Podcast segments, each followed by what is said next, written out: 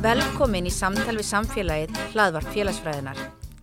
Það gleður okkur að vera með ykkur aftur eftir nokkuð langt hlið og sérstaklega kannski ljósi þess að um er að ræða hundraðasta þáttin af hlaðvarpinu þannig að við erum hér komin í þryggjastafa tölu.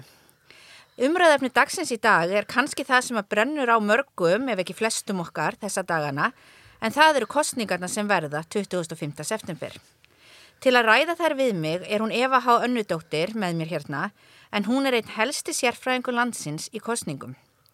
Eva er prófessor í stjórnmálafræði til Háskóla Íslands en hún lauk doktorspróf í stjórnmálafræði frá Háskólum í Mannheim árið 2015.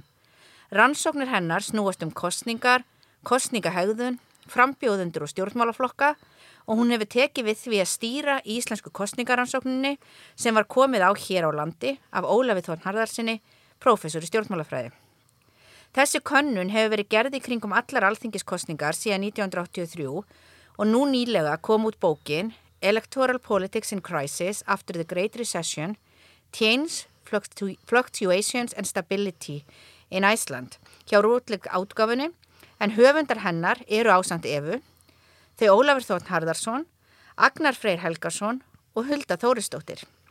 Til hamingi með bókina Eva og til hamingi líka með að hljóta framgangi prófessor núna í sömar þannig að það er nóg að gera hjá þér og þakka ég bara kærlega fyrir að vera tilbúin að vera með okkur hér í dag.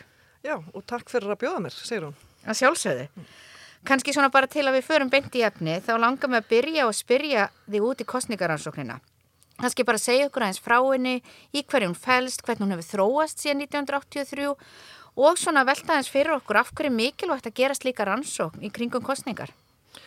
Já, um, þessi sagt, rannsókn, íslenska kostningarannsóknin, um, eins og þú nefndir réttilega var sagt, lengi framan af, bara stýrt af, af hérna, Ólaf Þjótt Harðarsinni, sem að uh, startaði þessar rannsókn eftir kostningarna 1983, þannig að hún er að verða 40 ára gömul og, uh, og hún hefur sagt, verið endutekinn eftir hverjar kostningar uh, síðan þá. Og hérna og lengi framan af og, og það er það er kannski það sem er svona hjartað í þessari rannsókn að það er þessi stór könnun sem er gerð eftir kostningar uh, meðal kjósenda. Uh, það sem að spurt er út í uh, viðþór þeirra til stjórnmála hvort er kusu hvaða flokkur kusu, tengingu þeirra við stjórnmálaflokka afstöð til líðræðis og, og frammeins og, og lengi vel framan af að þá var þetta sagt, eini hluti íslenska kostningaransóknarinnar en hún hefur uh, síðan þá uh, bæði stækkaða að umfangi og það hafa fleiri bæst í rannsóknarteimið. Til dæmis uh, frá með 2009 að þá hefur verið gerð könnun með frambjónda stjórnmálaflokka, allra frambjónda þeirra flokka sem að ná kjöri á þing og svo frá 2016 uh, að þá byrjuðum við með sagt, könnun sem var í gangi á meðan kostningabarðan var í gangi meðal kjósenda og frá 2017 og þá hefur svo konnu verið í formið sem kallast tracking þar sem við getum fylgst með dag frá degi. Mm. og þannig að sagt, eh, kostningaransóknin hefur bæði sagt, eh, stækkað umfangi og líka uh, hefur rannsóknateimi stækkað. Sagt, þó svo ég hafi tekið við á Ólafi að þá er hann ennþá í rannsóknateiminu og hérna og það eru þrjú önnur uh, með okkur að það er sérst Hulda Þóristóttir Agnar Freyr Helgason sem voru líka með okkur í bókinni og svo nýveri bættist Jóngunar Ólásson við sem ætlar að sjá um fjölmjöla hlutan fyrir okkur. Þannig að þetta er orðið mjög glæsilegt teimi sem stendur að þessu. Já, og þú spyr líka sko, akkur er mikilvægt að gera slíka rannsókn í kringum kostningar. Uh, þetta er sérst mikilvæg þessara rannsóknar, við getum alveg sagt að það sé markþægt að hafa fyrst svolítið eftir í hver að nota gögnin En ef við lítum á kostninga sem svona einn hotstein í framkvæmdina á fulltrúalýræðinu að þá, e, snúist, þá snýst þess að mikilvægi þessar rannsóknar um að reyna að skilja e, hvaða er sem hefur áhrif á hvaða flokk þú kýst, hvað hefur áhrif á þáttöku, hvað sem það er kostninga þáttaka eða eitthvað annað. Og, hérna, og hver eru mikilvægistu málefnin og og reyna veginn með því að varpa ljósi á þessa tenginga á milli kjósenda og stjórnmálflokka sem er dýnamikinn í fulltrúa líðræðinu. Já, mér langar að spurja þið aðeins betur út í uh, því að bæði held ég að kannski svona hlutinni sem hún talar um með kostningaransóknum hvað hún gerir í kjölfar kostninga með mikilvægi þess að vita hvort fólk kjóís, hvort að sé einhver minnstur í hverju kjósa ekki og hverju helstu málefni en mér er líka áhugavert að því þú sagðir að þið hefðu byrjað á frambjóðandakönnun og er þá talað við sem sagt alla sem eru á listum fyrir alla flokkana eða sem sagt sendir spurningalistar til þeirra Já. Og þá kannski þú segir mér aðeins frá því hvernig þetta kom til að þið bættu því við og líka hvað er verið að spurja frambjóðandur að og af hverju er það mikilvægt sjónarhórn sem sagt að spila þá við í raunin að fá sjónarhórn kjósendar Já, um, eins og ég segði á þann að þá var fyrsta frambjóðandakönnun gerð 2009 og það er sérstaklega rétt að, að að hún er sendt til allra frambjónda á listum stjórnmálflokkana uh, og þeirra flokka sem að ná kjöri á þing og hérna og ég sérst að startaði þessu 2009 eða eftir kostningarna 2009 og þetta varði ekki formlega hluti af íslenska kostningaransóknir fyrir 2013 Og ástæðan fyrir að ég um, um, sagt, startaði þessari frambjóndakönnun sem að er að alþjóðleiri fyrirmynd, hún er hluti af alþjóðlegu verkefni sem heitir Comparative Candidate Survey, er svo að ég hafi lengi sérst unnið í um, kjósendarliðinu, ef maður getur orðað þannig, sem er sérst eftirspurnarliðin í líðræðinu, en mér fannst alltaf vanta hína hliðin á, á peningum sem var frambósliðin. Og, uh, og, hérna, og markmiði var sérst að reyna um, kannski tvíþægt til að byrja með, fyrsta lega er bara að reyna að skilja frambóðslegina betur og við getum lítið svo á að frambjöndu séu þess fulltrúa síns flokks þannig að þeir segja tölverð mikið um stefnu flokksins og hvað, eða flokkana og hvað flokkarnir standa fyrir.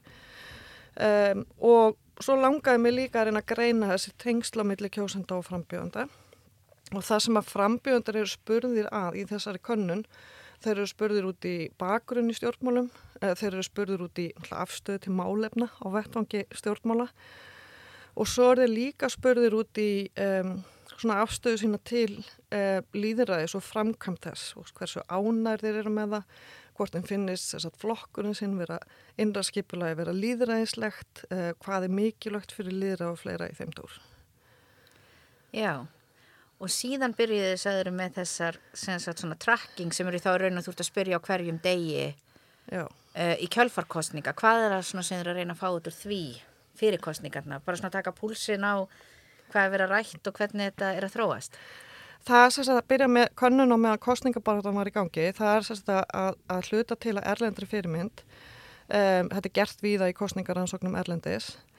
En uh, það var um, líka þannig að að hérna, og það sem okkur langar að gera í framtíðinni að það er að, að tengja í raun og afstöðu uh, kjósenda meðan á kostningabartan er í gangi. Og það er spurt um hvað er mikilvægast að málefnið og auðvitað spurt um veist, hvaða flokk ætlar að kjósa og svo frammeins og, og, hérna, og eitt af markmeðunum er að það væri gaman uh, að geta tengt þetta við umfjöllun í fjölmjölum mm þar að segja uh, þetta gefur sérst færi á því segjum til dæmis að það verði eitthvað eitt mál og rúslega heitt út af ykkuru á, á meðan kostningabaratan er í gangi að þá getum við séð sagt, með þessu trekking uh, þá getum við greint hvort að það verði þá mjög eitthvað breytingar og afstöðu kjósenda Já. og hérna Og svo er líka áhugavert að skoða sagt, hvaða afstöðu fólk hefur á meðan kostningabartunir í gangi og því svo spurjum við þau aftur eftir kostningar úst, hvaða flokk kaustu svo. Og, hérna, og þetta gefur færa á að greina uh, uh, sagt, þetta gefur færa á að greina hvort og hvernig mikilvægastu málöfnin hafa áhrif á hvað kýst. Já og svo er náttúrulega svo, með þessi gögn eins og svo mörg önnu sko að hérna, hérna er nú fyrst af þess að tala um það sem ég hef áhuga að gera við það en svo býður þetta upp á svo óendala marga möguleika fyrir aðra að vinna í að því öll þessi gögn eru uh, sérst, ef þau hafa ekki þegar verið byrt í opnum aðgangi á heimasíðu sem við erum að fara að setja í loftið að þá munuðu komið í opin aðgang innan skams Þannig að við erum líka að gefa þetta til samfélagsins til þess að, nýta og það er einhverja aðri rannsakendur sem er eftir að sjá einhverja aðra hliðar á þessu mm. hvernig við geta nýtt þetta. Já, það er auðvitað alveg frábært og eins og kannski við viljum að vísindin séu þegar við erum að eigða svona miklu í gagnaðaflun. En við langar að snú okkur aðeins af bókinni sem er nýjútkomin og kannski svona áður en við förum út í einstök málefni og það sem er að taka fyrir henni, þá langar við svolítið að fá svona heildar myndina og þið bjóðið upp á kenningarlegan ramma sem er að tala um áhrif efnagskreppunar 2008 á stjórnmálinn hér á Íslandi. Og kannski svona í framvaldi af því bara af hverju teljið að stjórnmál hafi breyst í kjölfar kreppunar, hvernig hafa þau breyst? Og svona kannski aðeins að gefa okkur svona forsmekkin af meginniði stöðunum, hafa þau breyst? Já, og ég, og ég skal reyna að vera knöpp, ég geti náttúrulega talað endalust um þetta, það sem við vorum að vinni í þessu í ykkur fimm ár í þessari yeah. bók. Það er nú kostur af hlæðarpa, við erum með rýmri, ekki endalusan tíma, en við erum með rýmri tíma heldur en kannski oft í svona 5-7 mínúna. Já, akkurat. Þannig ég hlakka til að svona fara aðeins dýbri í þetta. Já, ok. Það er hérna, mér langar nú að byrja að segja frá því að hún er í opnum rafrænum aðgangi og hérna... Sem að þýðir? Að hérna, að það geta allir bara nálgast þessa bók og, og hérna, og nýður halaðinni og, og lesa henni, sér að kostnaða lausum. En það koma líka prent intöku innan, innan skams í til dæmis bóksölu stúdenda. En hérna, ef ég ætti að fjalla bara svona um megin línurnar í þessari bók, hún er sérst tilkomin, eh, eh, við byrjum að hugsa um þetta sem hérna höfundateimi eh, fyrst árið 2016, eða byrjum að vinna þessu þá og hún er um, um þá spurningu hvort að eitthvað hafi breyst í íslensku stjórnmálum eftir efnaðsunnið og hvort að það hafi verið mögulega að völdum efnaðsunnsins og þeirra atbyrða sem urði í kjölfarið eh, í stjórnmálum og hérna til að mynda þau miklu mótmæli sem voru hér á landi og, og fleira í þeim dór. Þannig að við lögum upp með það að reyna að greina á milli eh, sagt, langtíma breytinga versus skamtíma breytinga af völdum efnaðsönnsins fyrir Íslands stjórnmál. Við reyndum líka að greina á milli sagt, langtíma breytinga sem voru hvort þeir er í gangi, að voru byrjar fyrr og hérna og mögulega hafði hrunni þau áhrif að hraða þeim eitthvað neginn og svo líka hvaða breytingar eru þau sem að gengur síðan tilbaka mm. sem við myndum kalla bara flögt og, hérna, og þetta er náttúrulega greiðilega stórt verkefni að takast á við og hérna og, og hérna uh, og sumt af þessu er í raun og raun bara svolítið sögurskoðin sögurskoðun það er, það er að segja að því að við erum í raun og ekki með land Ísland sem að varð ekki fyrir efnaðursunni og svo Ísland fyrir efnaðursunni þar við getum ekki borið saman það að þá hérna uh, er þetta greiðilega stort verkefni að, að taka stáfið og hérna og við byrjum á því að leggja upp svona kenningalega ramma sem við notum til að mynda það sem hefur verið kallað í sögurskoðun sagt, kritisk tímamóta mörg, orðað þannig, critical juncture á, á ennsku. Og með því er átt við þegar það er tengt við stjórnmáli eða stóra breytingar í samfélaginu að það gerist eitthvað og, hérna, og, við, og í þessu tilfelli sett efnaðsunnið sem að, að opnar á möguleikana að það verði ykkur á verulega breytingar sem að ég sem að kannski hægt að kalla strömmkvörf en það að verði svona kritisk tímamót, það er ekki þar með satt að verði breytingar. Mm. Það getur líka bara að fara aftur bara í engin breyting. Og við höldum því fram að efnaðarsunni hafi verið þessi kritisk tím, uh, tímamót og það hafi verið að mörgum ástafum og, öruglega ekkit allar upptaldar hér. En það var sérst algjört hruni í lögumæti eða upplöfum fólks á lögumæti stjórnvalda á þeim tíma. Um, Það má líka alveg halda í fram að það hefur verið hrun á lögmætti eh, fjármálakerfisins á þessum tíma. Og svo var þetta mjög stórt sjokk fyrir þjóðina og, og það er ekki bara við sem höfum fjallað um það, Jóngun og Berburg hefur líka fjallað um það í sínum rannsóknum á hérna, það sem hann er meðal hans að fjallum uh, mótmælin. En, en þetta sagt, stóra svona, maður getur orðað þannig svona tilfinningarlega sjokk sem að þjóðin var fyrir þessu upplifin og það sæti ekki allir við sama borð þegar koma eh, hverju töpuðu á hruninu og, og hérna og, og einhvern veginn eh, svo heimsmynd sem við höfðum fyrir hrunið að hér væri allt í blúsandi velstandi og hérna og við vorum með þessar bankamenn sem var bara allt sem þeir snertu breytist í gull og, og svo fram með þess að það var svona bara sjokk, maður getur orðað þannig svona heimismyndin svolítið hundi og hérna og og við höldum því fram að þetta hafi að skapað aðstæður fyrir uh, krítisk, uh, krítisk tímamóti að það hafi orðið til aðstæður sem að gætu mögulega orðið strömmkvarf í stjórnmálum. Og svo að því þú, að því þú spurði þess að uh, hvort og hvernig íslensk stjórnmál hafa breyst eftir kreppuna um, að þá um, sjáum við til dæmis að uh, sem ég kannski vita að augljóst, frekar augljóst er hrun sérst fjórflokksins eða þessa, þessa fjögur að gömlu flokka, við getum kallað á það. Þess að vafki uh, samfélkingar sjálfstæðisflokks og framsóknar. Og þessi flokkar að þeir voru yfirleitt með samanlagt 90% fylgi uh, meir og minna uh, fyrir hrun.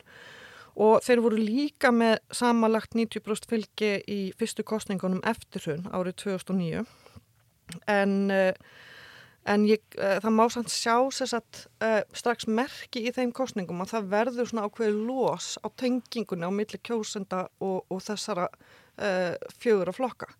Og þetta er eitt af því sem að ég fjalla um í annar grein sem að heit, er um kostninguna 2009 og, kalla, og heitir þess critical election að þá sjáum við að þrátt fyrir að, og við fjöllum um þetta líka í bókinni, að þrátt fyrir að, að fjórflokkurinn sem ég kýsa að kalla hann bara svona til einföldunar hafi haldið sínu uh, samanlega 90% fylgi þá að þá eru svona tengingar við flokki, flokkana eins og flokksotlusta og það er líka vel við flokkin og hversu nálat og ert á hann vinstri hægri hefur miklu minni áhrif á kostningu í þeim kostningum heldur en fyrir hann mm. og hérna og ákkuru fjórflokkurinn heldur svona miklu fylgi árið 2009 skýrist öruglega tvennu í fyrsta lagi þá var bara lítill tími fyrir nýja flokka að bjóða fram lista. Og það kom fram hérna einn nýr flokkur sem að náði inn á þing sem var borgarhefingin og hérna og svo kannski hitt líka að, að hérna það má alveg horfa það þannig að, að hérna að sagt, þegar efnarsunnið eh, eh, skalla á 2008 þá vorum við miðju, miðju hægri stjórn. Mm. en þar áður höfum við verið með eh, hægri stjórn í raun og veru með framsókn og sjálfstæðsloknum í mörg ár. Þannig að kannski voru fyrstu viðbröð kjósenda þá bara ok, heyrðu, við ætlum ekki að kjósa hérna eh, hægri stjórnina eða miðju hægri stjórnina eh, sem að var hérna í mörg ár eh, og hérna og, og þessum tveim flokkum, framsókn og sjálfstæðslokkum, þeir var líka mest kent um efnaðsrunnið eða var spurt hver bann mesta ábyrð á hruninu og svo framins, þannig að segja af stjórnmálflokkunum. Þannig að kannski það sem gerist er að í kostningum 2009 þá hugsaði fólk kannski ok, við ætlum ekki að kjósa hérna hægri flokkuna, nú ætlum við að gefa hérna vinsturflokkunum séns, mm. sem voru þá þessi gömlu tveir. En svo kom á kostninguna 2013 og þá voru ykkur, ég man ekki hvað voru mörg, 15 frambóð eða 13 í rugglissu svolítið, því það voru svo mörg frambóð hérna 2013, 16 og 17. Það var þægilega þegar það var bara fjórflokkurinn. Já, og, hérna, og þá bættust við tveir nýju flokkar, mm. Björn Framtíð og Píratar. Og þá hugsaði fólk kannski svolítið já þetta er nú bara eitthvað tímabundu og þetta mun ganga tilbaka mm. en það hefur ekkert gert það í síðustu tveimur kostningum 2016 og 2017 það er að segja eh, fjórflokkunum fóru 90% í um það byrj 75% 2013 og svo nýri um það byrj 60-65% 2016 og 2017 þannig að hérna, það er einbreytingin og svo er fjölgun flokka og, og, hérna, og það er það sem að, að e, við, við köllum stundum e, á ennsku með fjölgun flokka sem eru með minna fylgi en eru samt að þingi að, að það er kallað á ennsku sagt, e, party fragmentation mm. og ég kýsa þýða það sem sagt, það verði meiri kvíslun í flokkakerfinu og, hérna, og það er klárlega einn breyting og hún virðist vera varaleg uh, allavega hefur hún ekki gengið tilbaka og skoðanakanninni núna er að sína okkur í rauninni að hvað hugsaðlega nýju flokkar komist á þing? Það, eða jápil líklega nýju flokkar. Það, það, það getur alveg orðið sko. Og, hérna, og það er náttúrulega algjörlega nýtt landslag fyrir bæði stjórnmálumenn og, og kjósundur að takast á við. Og hérna já. Þannig að það, það, það svo, þó svo að þeir sem kannski tóku þessu mest þátt í mótmálunum hérna um, 2008-2009 séu óanær að því það hafi ekki nógu mikið breyst að þá hefur samt heilmikið breyst. En það hefur ekki kannski orðið eitthvað svona, svona grundvallar bylting, bylting á kerfunni heilt og málefnin eru að hluta til en þá þau sömu. Mm. Hérna, en, en flokkarnir eru það eru fleiri sæst, uh, hvað sem er. Það er meiri kvíslun í flokkakjörnu Já og mér langaði kannski mitt að þú minnist hér á málefnin og hvernig þau hafa breyst eða ekki breyst þá er eitt sem að þið fjallið um í bókinni líka eða reynir svona að meta kannski já, hversu mikið kannski frambjóðundur eða ákveðni flokkar endur spekla því málefni sem eru mikilvægust uh, kjósendum eða kjósendum þess flokks. Getur þú kannski sagt mér aðeins frá þessu og þá kannski bæði svona hvað við sjáum sem helstu áherslunar sem að kjósendulegja áherslu á, hvernig það kannski skiptist eftir, það er nú svona einhverja umræður um að hægri vinstri ekki jafn mikið við og áður en það virðist nú samt svona vera hvernig við hugsaum um pólitík. Og sem sagt já og hvort það sé eitthvað sem við sjáum varðandi að flokkarnir séu í rauninni að gera það sem að kjósendur þess vilji að þeir leggja áherslu á. Já, við, við skoðum sérst í bókinni hvort það væri hérna, samræmi í áherslum uh, kjósendaflokkana og frambjóndaflokkana þegar það koma ákveðnum uh, málöfnum og reynda líka skoðum við líka hvort það væri samræmi í hversu um, eh, svona, svona stuðning þeirra við, við hérna, stjórnmálakerfið og hvort þið styrtu þjóðrætt hvað greislur og fleiraði þeim dúr.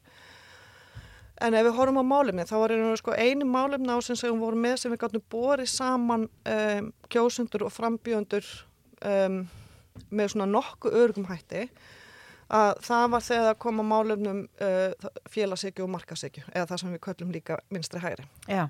Og hérna og varðandi vinstri hæri einmitt þá hefur það einmitt oft verið sagt að þetta sé úreld og, og, hérna, og þetta eiginlingu við og svo framvegis eins og þú veist að segja en svo kemur bara oft í ljós að þetta er uh, ennþá uh, langstæsti svona klopningsþátturinn uh, allavegna á Íslandi og í Evrópu en það breytir því ekki að það er kannski fleiri málefni komin inn á málefnasöði þannig að þetta er kannski svona floknara hérna málefnarsveið. En varandi þessar spurningar um, um félagsíku markasíku, ef við stillum upp félagsíkunni þannig að, að þeir sem eru þeim einn að þeir vilja að ríkið uh, beri ábyrð á að jafna dreifingu tekna í samfélaginu og ríkisveiki heilbríðiskerfi og mentakerfi og fleiri þeim dúr og markasíkjan er það sem að frelsi markarinn á bara ráðusu og ríkja á að vera lítið að skipta sér af.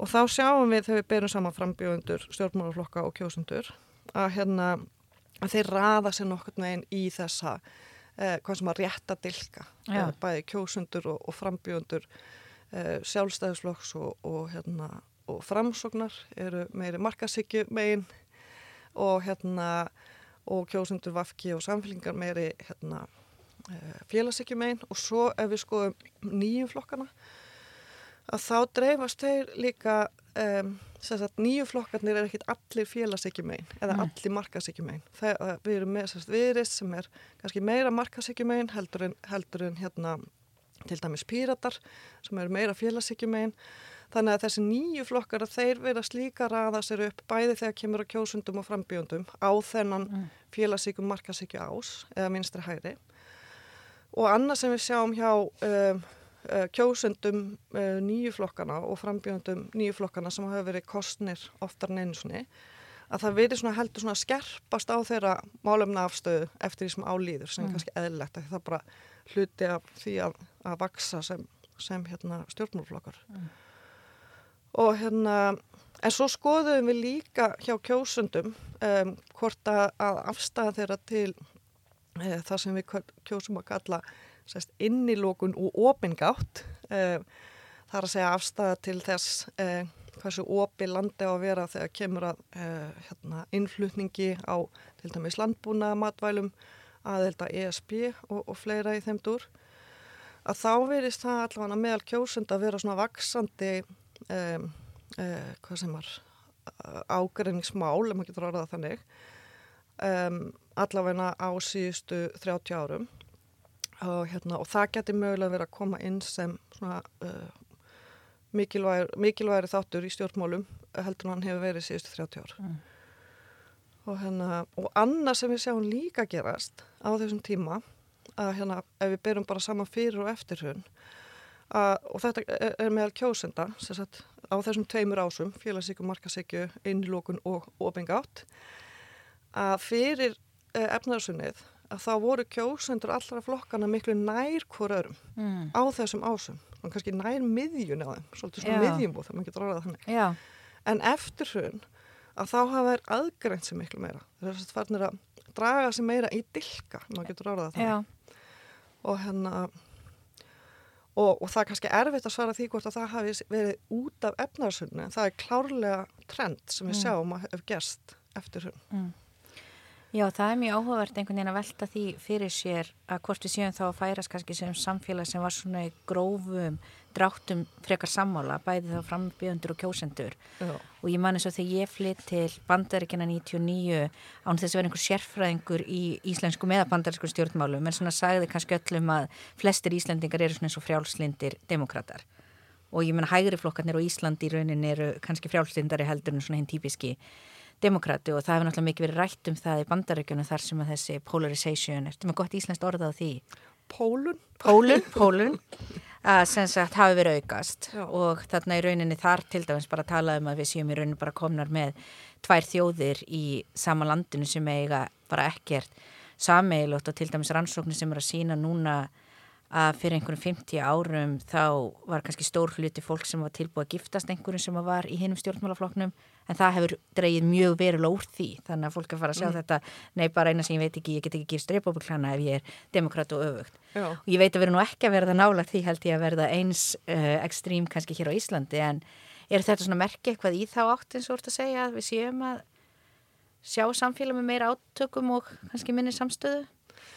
Já, það er, sko mér að þetta er mjög áhugavert að ræða þetta. Og, og, hérna, og þetta er eitthvað sem að við ræðum ekki beint í bókinni.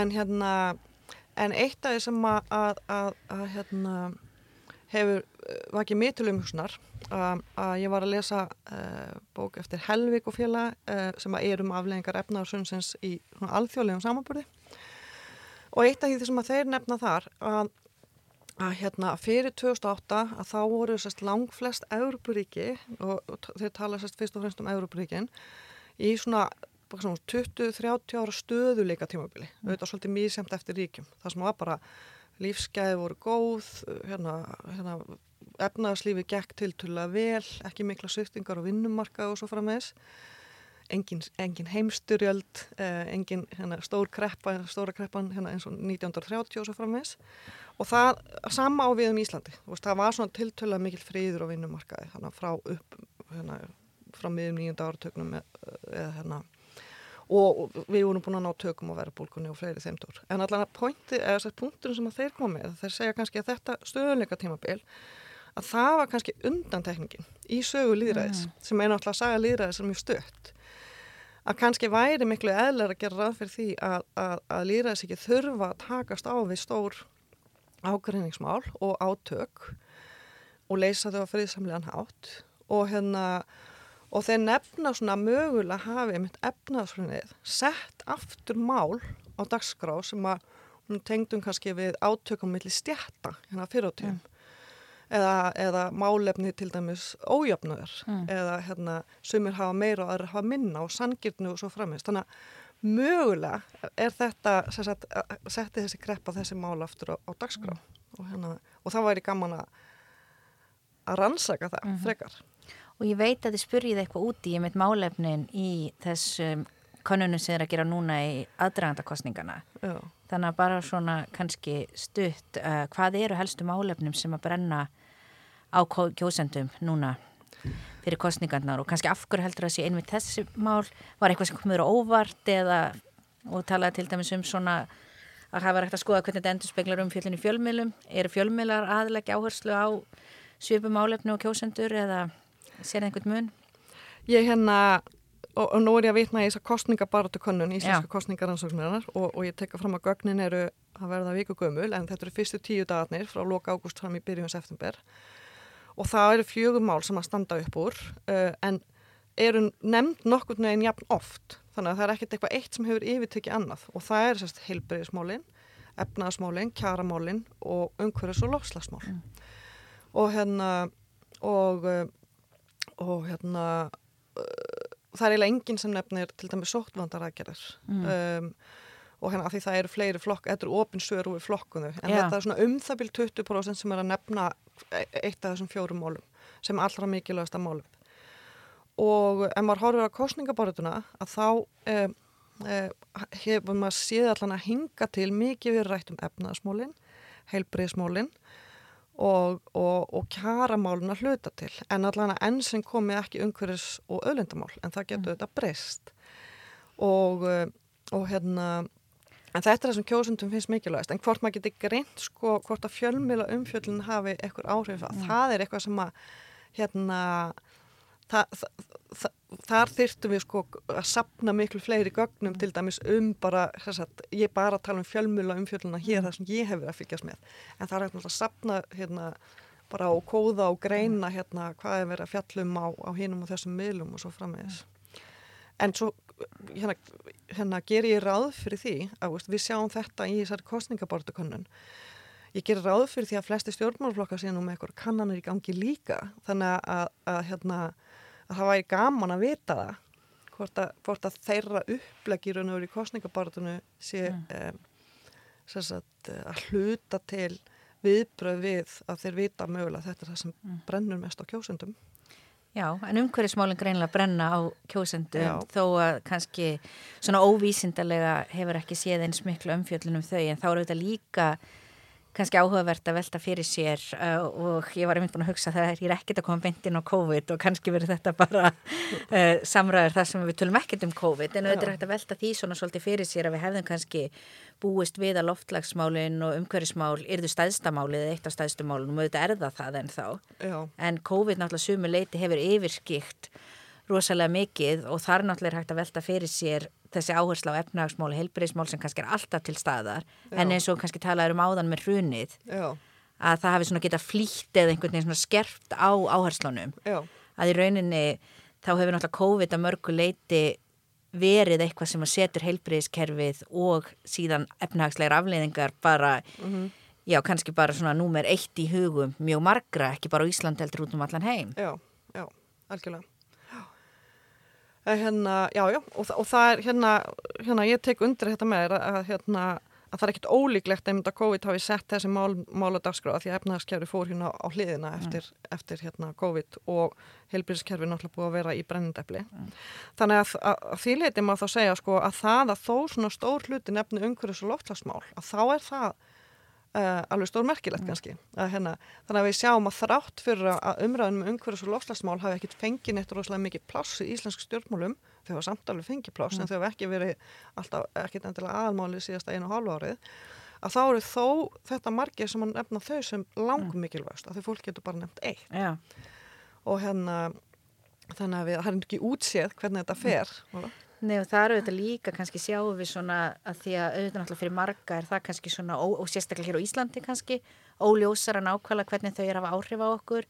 Já, menn hitt er náttúrulega mjög kannski augljóst og kannski þú veist margir sem hafa haft einhver áhrif á heilbreyðismálum en þeir eru í rauninni kannski komin með eina innlögn af COVID-sjúkling og spítalinn er komin á hvort það er neyðar eða hættustig. Já, og samu auðvitað með efnahagsmáli nú er ekki hægt að segja, herðu nú erum við búin að vera í stjórnum fjögur ár og sjáu hvað efnahagslífi gengur vel. Já, heldur er þetta allt í rauninni rammað inn út af COVID að miða við hvernig þetta hefði getað orðið já, sjáu þið hvað við höfum í rauninni staðið okkur vel. Já, við höfum náð að gera þetta með atvinnuleysi við höfum náð að gera þetta með að fólk haldi einhverjum tekjum og slikt Já, þannig að það er rauninni mjög erfitt að tala um þessi tvö mál í rauninni óhag COVID.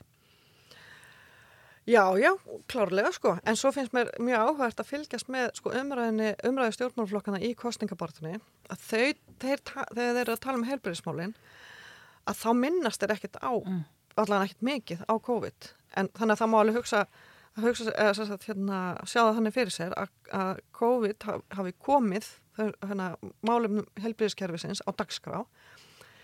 En, en umræðan með að stjórnmálflokka snýst um hvort það er að vera meiri engarekstur í heilbriðiskerfinu eða, eða hvort það ríki eigi að taka meira yfir og, hérna, og, og fleira og, og svo frammeð sko. Þannig að, hérna, og það er talað um fjölbreyttari rekstarform sem er kannski bara annað orð yfir meiri engarekstur Mm.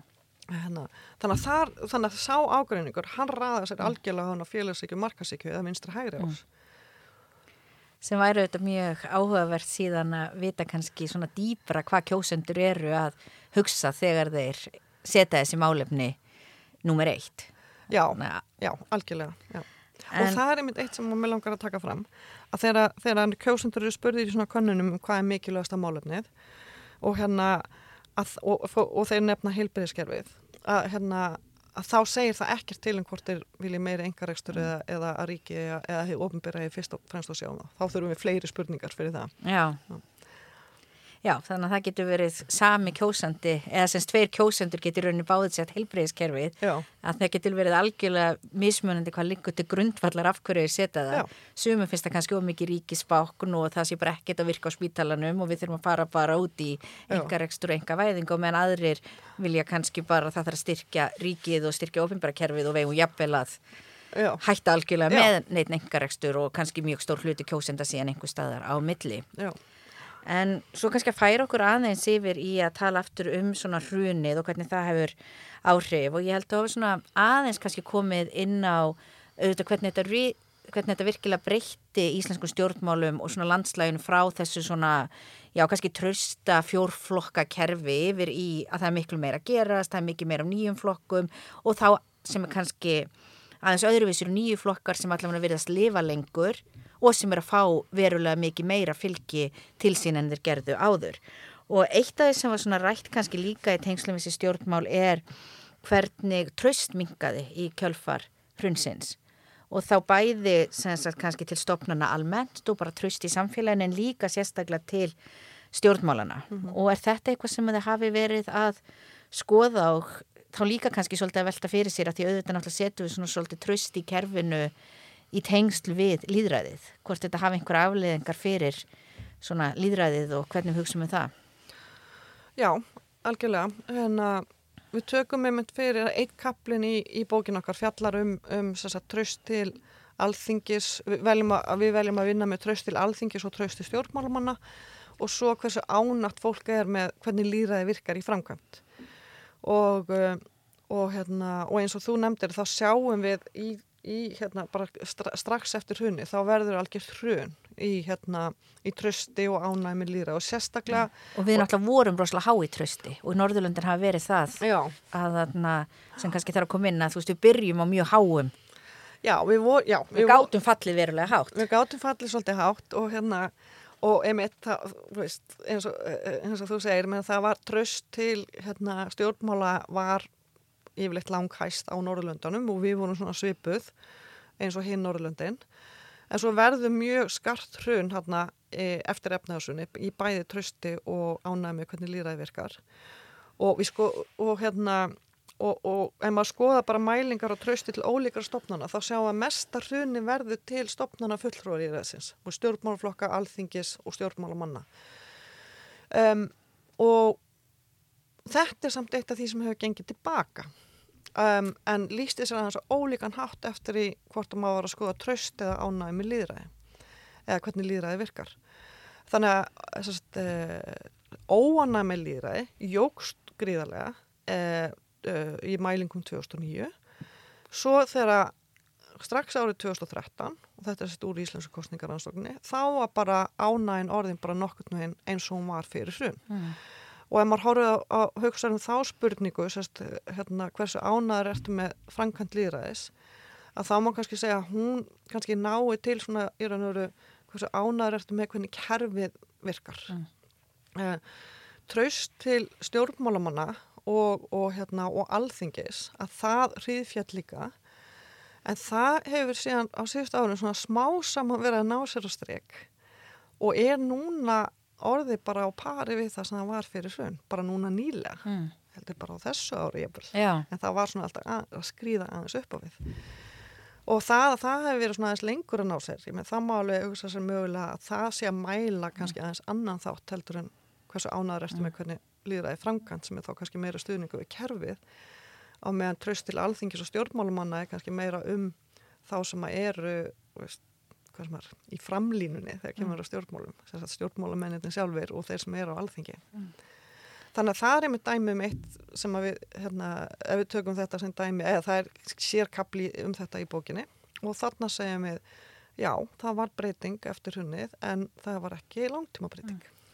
En svo veltum ári, ég veit ekki hvenar þið byrja þið virðist að byrja að sjá þetta fyrr en líka þá að tala um svona hvort það sé eitthvað skyndi semst ítt við breytingum Já. og bara svona velta fyrir sér þá svona þessa stóru kannski hluti sem við höfum gengið í gegnum já bæði hér og í heiminum náttúrulega með hrunið hér á Íslandi en síðan COVID líka Já. og ég menn eins og núna erum við að sjá í, meiri, í hérna, mælingum áttir meiri hluti kannski að trista eða styðja ríkistjórnina og kannski meira heldur en stiði flokkana sem að þau er í Já. og almennt þá held ég að stór hluti og það eru bara mælingar sem auðvitað sína það að við höfum farið frekar vel út úr COVID um, og þá sérstaklega kannski að því að stjórnmálafólk um, var ekkert mikið að skipta sér af og let mikið af ákverðunum eða semst fór eftir því sem að var lagt fram þannig að það er alveg hægt að hugsa sér veruleika þar sem og við sjáum það náttúrulega, við sjáum það í bandaríkjunum, við sjáum það jafnvel orðið Norðurlöndum, mm -hmm. þar sem að COVID varði í rauninni mjög bara svona pólitíst málefni mm -hmm. sem það í rauninni varði ekki hér. Nei. Heldur þetta við eitthvað svona kannski hugsalega hjálpa við líka að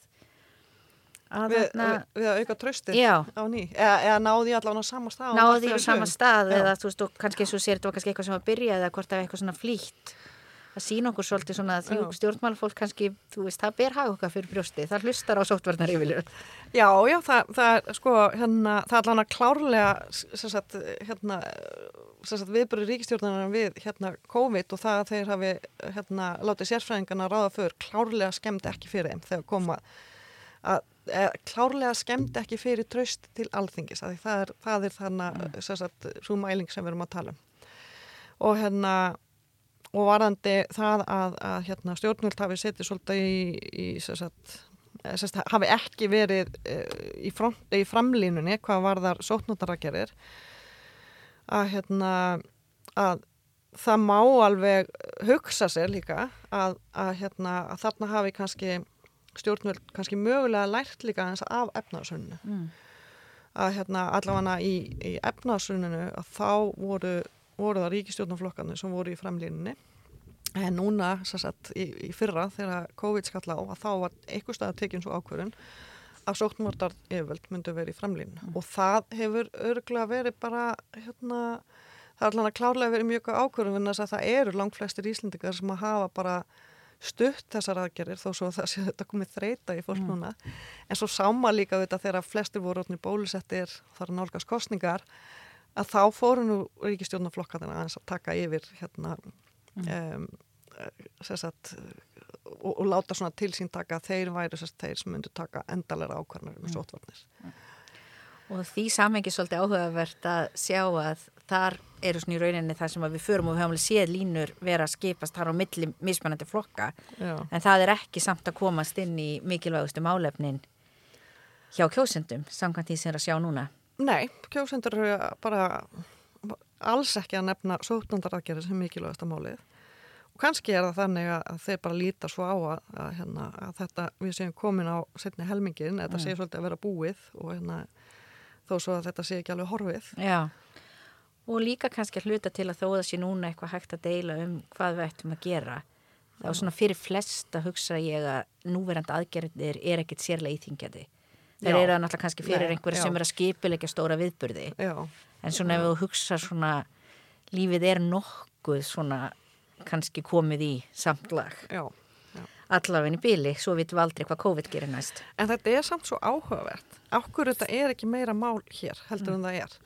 Þannig að ég var að lesa bara um daginn um kanadísku kostningarnar sem er svona snemkostningar og það er rosalega mikil anstað við bólusetningar og sóknúðarækjarir og það er aðal máli í þeirra kostningabortu Já. bara stóra málið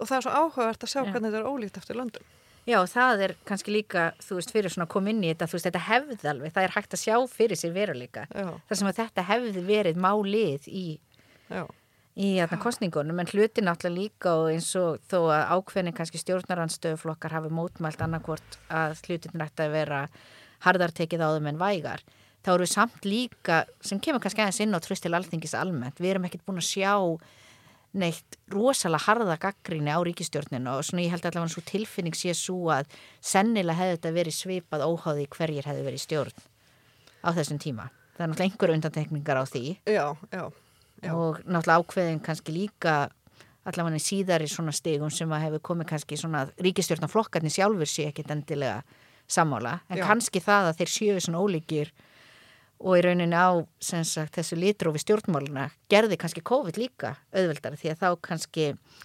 endurspeglar það meira vilja allra. Já, heldur en til þess að við höfum verið með bara hreina hægri stjórn eða hreina vinstri stjórn. Já, já, já, já, það er rétt, það, það, það, það getur mögulega verið þannig, sko, það væri gaman einmitt að, hérna, að þegar kom út æfisögu stjórnmálamanna eftir svona 20-30 ára, þeir segja hans frá þessu, hvernig er ákvæðið þetta. Hvað fannst þér? Hverju varstu sammála og ekki sammála? Mér langar aðeins svona að færa okkur yfir það sem að við auðvitað veltum oft fyrir okkur og við erum hér að tala um líðræðið og einn alltaf undirstaði líðræðisins er að við tökum þátt í kostningum og kjósum okkar fulltrúa. Um, í bókinu og svona það sem þið eru búin að vera að skoða með kostningaransóknirnar hafði hrunið einhver áhrif á þáttökum í stjórnmálum og kostningaþáttöku og þá kannski sérstaklega og það er svona náttúrulega eins og við vitum Ímsir, eða sumur hópar eru líklegri til að skila sér á kjörstað heldur en aðrir. Þar hefur til dæmis verið talað um að ungt fólk skili sér oft síður á kjörstað sem að getur verið gott fyrir ákveðna flokka og slemt fyrir aðra. Já. Þannig að kannski svona að segja mér aðeins frá hvernig kostningaþáttaka hefur þróast hér á Íslandi og þá kannski varðandi mismun á hópum og hvort það sé eitthvað sem við getum gert til að um, auka kostningaþáttöku allra hópa því að náttúrulega í fyrirmynda líðræði myndum við væntalega vilja 100% kostningaþáttöku. Já, algjörlega. Það er eitt kaplinn hana í, í bókinni er einmitt um kostninga þáttöku og hvort að, hafa, og hvort að hruni hafi breytt ykkur þarum. Og, og svarið okkar við því er að hruni breytti engu um kostninga þáttöku á Íslandi.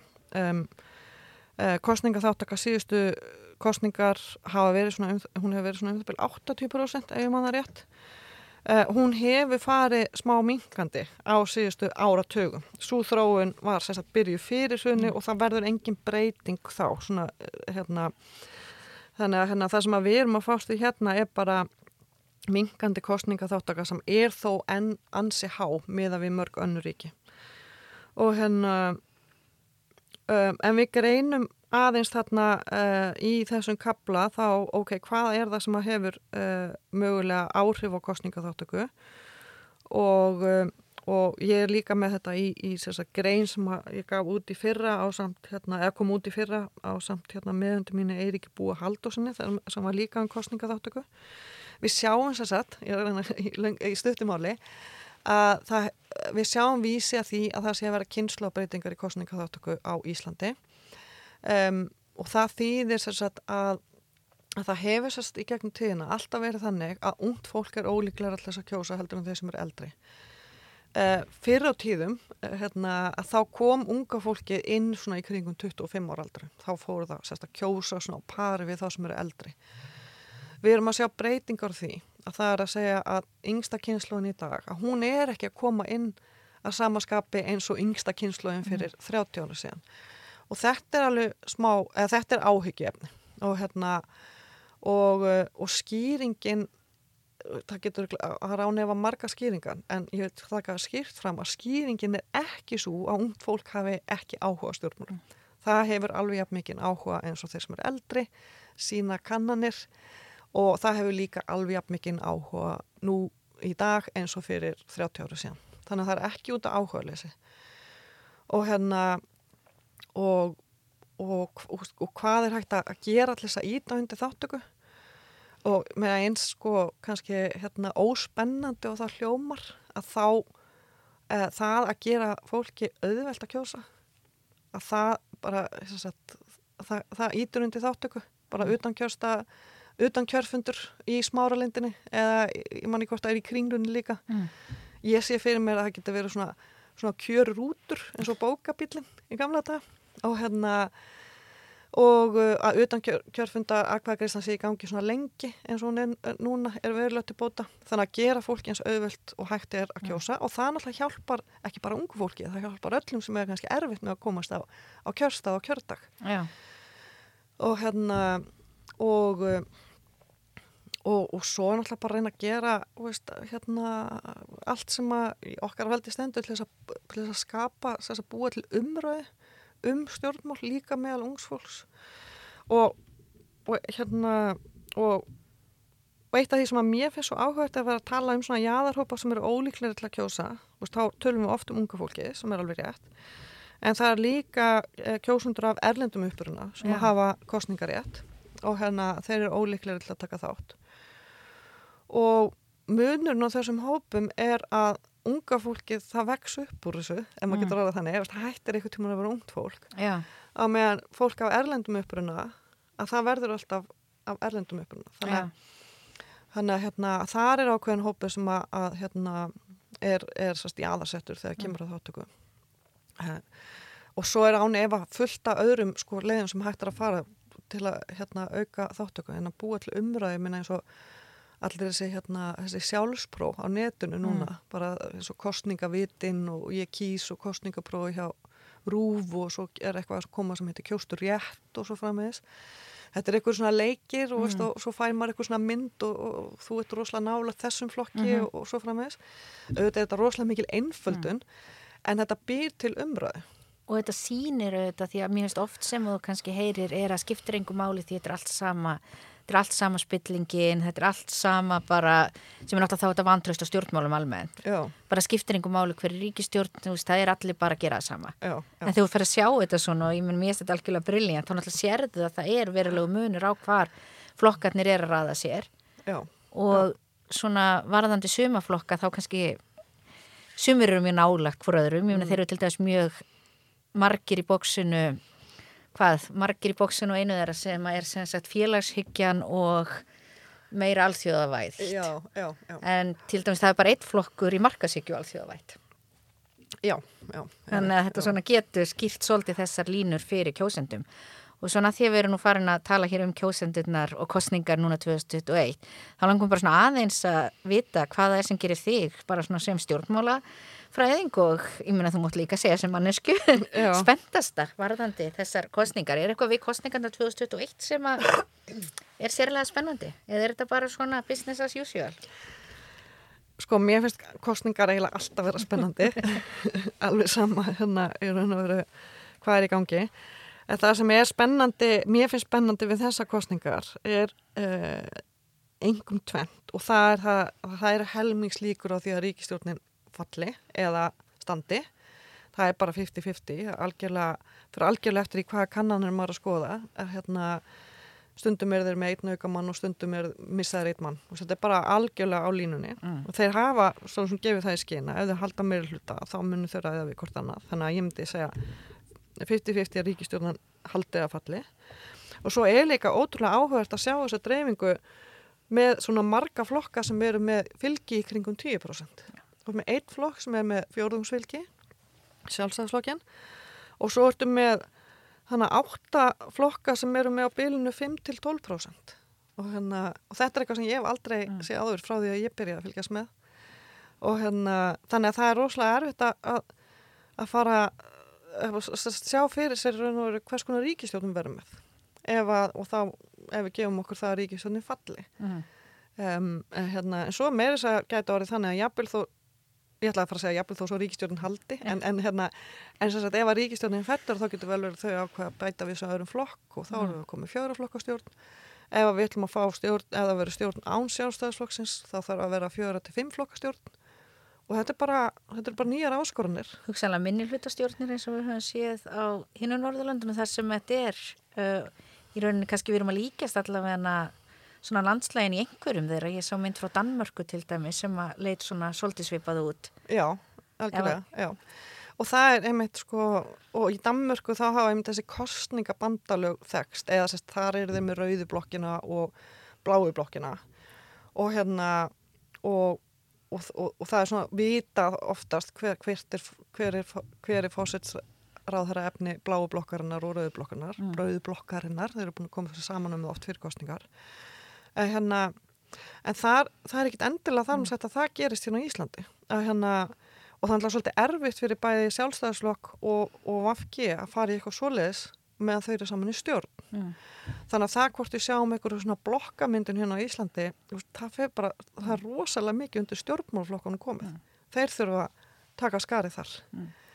Og áhugavert þar kannski að þú segir svona fyrirfram gefið fórsetisráðar efni Já. og ekki kannski að segja hér er mjög snart líka eitt sem ég myndi bæta við sem er áhugavert kannski ekki bara við þessa kostningar en svona pólitíska landslægi núna er náttúrulega hvað er yfir gnæfandi stuðningu við Katrínu Jakobsdóttur sem fórsetisráð þeirra þannig að ég sé í konunum held ég bara 45% þjóðurinn sem vil hana sem fórsetisráð þeirra Já. en samt er þetta kannski ekki nema 10 til 14% sem ætla sér að kjósa VFG eftir konunum. Já, já, algjörlega. Og hún hefur það með sér og hefur verið mjög vinsar mjög lengi. Og ég var einmitt að horfa á gögninum, gögnum þetta um daginn úr, úr kostningaborturansókninni og það var einmitt eins og þú sagðir, 45% sem vildu hana. Og af þessum 45% með þeim sem að nefndana þá ætluðu gerði þriðjungur að fyrir mögulega að kjósa flokkin. Já, þannig að eina held ég sem við vitum alveg með fullvissu er að næsta hvað, uh, tvær vikur cirka verða mjög spennandi og ég held að það sé allt útlit í spennandi kostninganótt þannig að Já. bara takk kærlega fyrir að vera með mig hér í dag Eva og Takk. við bara hlökkum til að fylgjast með að fá frekari insýn inn í heimstjórnmáluna og kostninga frá þér í framtíðinni. Já, og bara kæra þakki fyrir að bjóða mér. Og í þennan frábæra nátt sem að ég tek fram að ég er búin að lusta á nokkuð marga þætti og mér er bara mikið leiður að fá að vera hérna. Bara frábært að hafa þig og gaman að vera með ykkur hér í dag. Takk fyrir.